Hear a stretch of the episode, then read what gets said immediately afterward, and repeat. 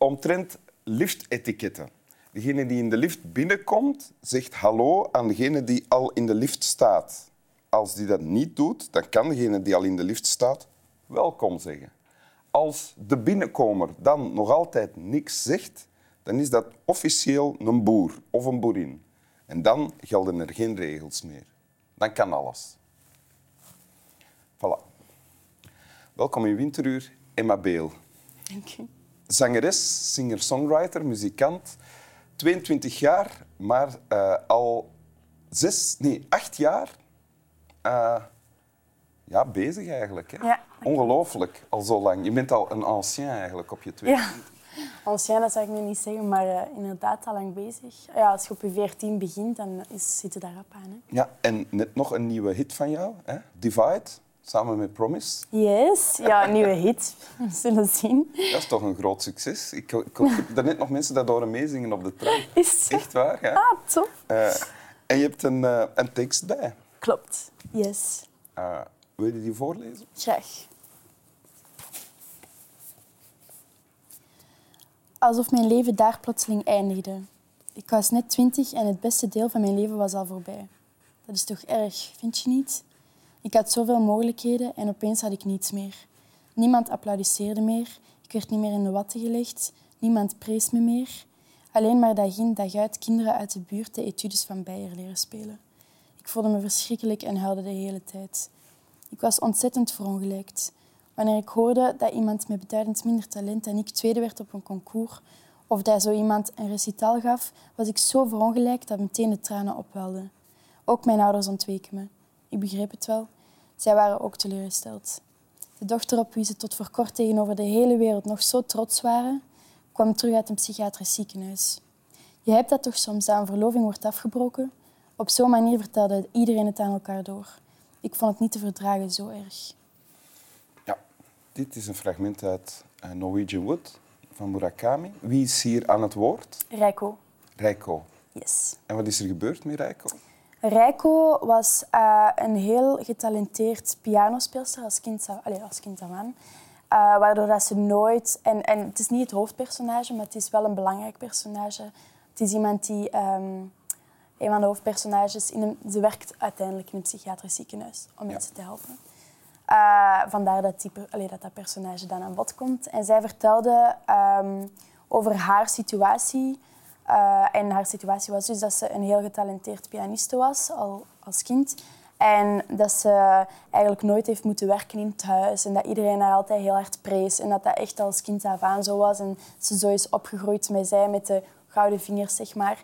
En op een gegeven eh, moment, ze zat aan het conservatorium en ze moest een, eh, een, een belangrijk concours doen. En ze was daarvoor aan het trainen, maar tijdens die training werkte haar, haar pink ineens niet meer. Pink bleef gewoon, wilde Ja. niet meer mee. Wilde niet meer mee. Ja. En ehm, dan is ze daarvoor naar dokters gegaan, hebben ze scans gedaan, maar dat was allemaal... Ja, ze konden daar niks over vinden. Of er was al sinds niks aan de hand met de pink. Dus dan zijn ze ervan uitgegaan dat het psychisch was. Dus dan is ze twee keer naar een psychiatrisch instelling gestuurd. ehm, waardoor dat dan nog altijd niet in orde was. En dan op een gegeven moment was ze, denk ik... ehm, bij haar oma of was het wel in psychi- eh, psychiatrische instelling dat ze uiteindelijk wel haar pink terug een beetje meer kon gebruiken omdat de druk ervan af was en omdat de dokter had gezegd van ja, het is best om je droom gewoon op te geven, want je kunt de stress gewoon niet aan. Ehm, en ik denk doordat de druk bij haar eraf viel, heeft ze wel haar, haar studie nog kunnen afmaken, maar heeft ze dus wel nooit haar droom kunnen ehm, behalen. Ja. omdat ze zo, eh, en ze is ook gewoon heel slecht omringd geweest, want iedereen zei tegen haar, ja, het is gedaan, Ja. je kunt het niet meer, je kunt niet om met de stress. Je vertelt het alsof het echt gebeurd is allemaal. hè? Zo beleef je het waarschijnlijk ook. Dat is Haruki Murakami. Elk boek dat ik daarvan lees, en daarom ben ik gewoon ook zo verslaafd aan die schrijver, is gewoon, je maakt het zelf mee of zo. Ja. En vandaar denk ik dat ik ook dit fragment heb gekozen, want ik heb deze boek, ik heb al een paar boeken van Haruki gelezen, uh, maar ik heb dit boek, wat eigenlijk het bekendste is, dus super onlogisch dat ik deze nu pas lees. Ja, Maar, uh, ik heb je noemt hem ook eerste- Haruki, alsof het een vriend is. Het is ook een beetje een vriend ondertussen. Ehm, ja, ik heb het gelezen in de eerste ehm, lockdown en dit fragment heeft mij zo gepakt, omdat je zit dan ineens een jaar zonder werk of zo en zonder vooruitzichten. En toen las ik zoiets en ik herkende mij daar heel hard in, want natuurlijk, ik was zelf al van mijn 14 bezig en ik was niet anders gewoon dan dat ik op school een andere, ja, niet per se een voorkeursbehandeling, totaal niet, maar dat ik wel anders behandeld werd, dat ik op tour moest, dus mijn examens later moest doen. Of... En mijn ouders hebben mij ook altijd zo gezien. Ik ben ook ja, ik heb heel even verder gestudeerd op, uh, op de NIF, maar ik ben vooral voor mijn muziek gegaan. Dus ik heb altijd dat gedaan en ik besefte ineens van wow, maar wat als dat ineens voorbij is? Of wie ben ik zonder dat?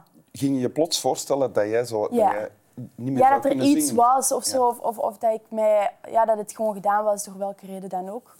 Ehm, en dan was vooral de vraag dat mij heel hard pijnigde, was zo van, ja, oké, maar wie is Emma zonder al dat? Ja, wat blijft er dan nog over? Ja, en daar vertelt zij dan heel hard over. En ik, ik ben echt gewoon spontaan beginnen huilen. Van, ik heb daar met veel vrienden ook over gebeld van jongens, ik heb deze boek gelezen en ik weet niet wat ik moet doen met mijn leven nu. Ik weet niet hoe dat ik me voel.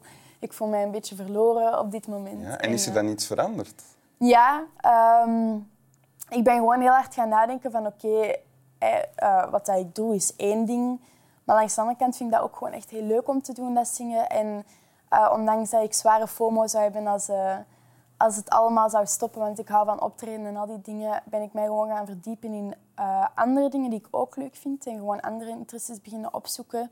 Zoals? Ehm, schilderen. Ik heb veel geschilderd in, ja. eh, in de corona-lockdowns. Ehm, en ik ben ook juwelen beginnen maken. ja? Ja, Een opleiding gevolgd? ja een opleiding gevolgd. Oké. Ja. En dat zou niet gebeurd zijn zonder dit boek of zonder dit fragment dan? Misschien, misschien ja. Ik, ik, ben daar, ik heb daar gewoon heel veel uit geleerd en ik ben daar gewoon heel hard door beginnen nadenken. En ehm, En ben je nu ook in hoe je jezelf ziet meer dan alleen maar Emma de Ja. zangeres? En de, ja, ja? ja, ja. Ah, ja, ja. En dat doe wel goed. En ook, ik denk ook gewoon dat die... ehm, ik weet dat de lockdown niet voor iedereen super fijn is geweest of zo, maar voor mij heeft dat wel heel veel gedaan in mijn hoofd of zo. Ik heb een album kunnen afwerken waar dat ik drie jaar op zat te, te, ja, na te denken en te broeden en er kwam niks uit. Dus ik had eigenlijk zo wat hetzelfde. En ineens was die lockdown daar en dat leek alsof dat de wereld op pauze stond en dat heeft mij enorm goed gedaan. Ja, ja. Dus je bent wel door een crisis gegaan en dan als een phoenix herrezen uit de as de Exactly, gekomen. ja. Maar het mag nu gedaan zijn met de lockdowns. Ja, mag wel. Afgesproken? Ja, is goed. Oké, wil je het nog eens voorlezen? Yes. Alsof mijn leven daar plotseling eindigde. Ik was net twintig en het beste deel van mijn leven was al voorbij. Dat is toch erg, vind je niet? Ik had zoveel mogelijkheden en opeens had ik niks meer. Niemand applaudisseerde meer, ik werd niet meer in de watten gelegd, niemand prees me meer. Alleen maar dag in dag uit kinderen uit de buurt de etudes van Beyer leren spelen. Ik voelde me verschrikkelijk en huilde de hele tijd. Ik was ontzettend verongelijkt. Wanneer ik hoorde dat iemand met beduidend minder talent dan ik tweede werd op een concours, of dat zo iemand ergens een recitaal gaf, was ik zo verongelijkt dat meteen de tranen opwelden. Ook mijn ouders ontweken me. Ik begrijp het wel. Zij waren ook teleurgesteld. De dochter op wie ze tot voor kort tegenover de hele wereld nog zo trots waren, kwam terug uit een psychiatrisch ziekenhuis. Je hebt dat toch soms, dat een verloving wordt afgebroken? Op zo'n manier vertelde iedereen het aan elkaar door. Ik vond het niet te verdragen, zo erg. Dank u. Snap wel.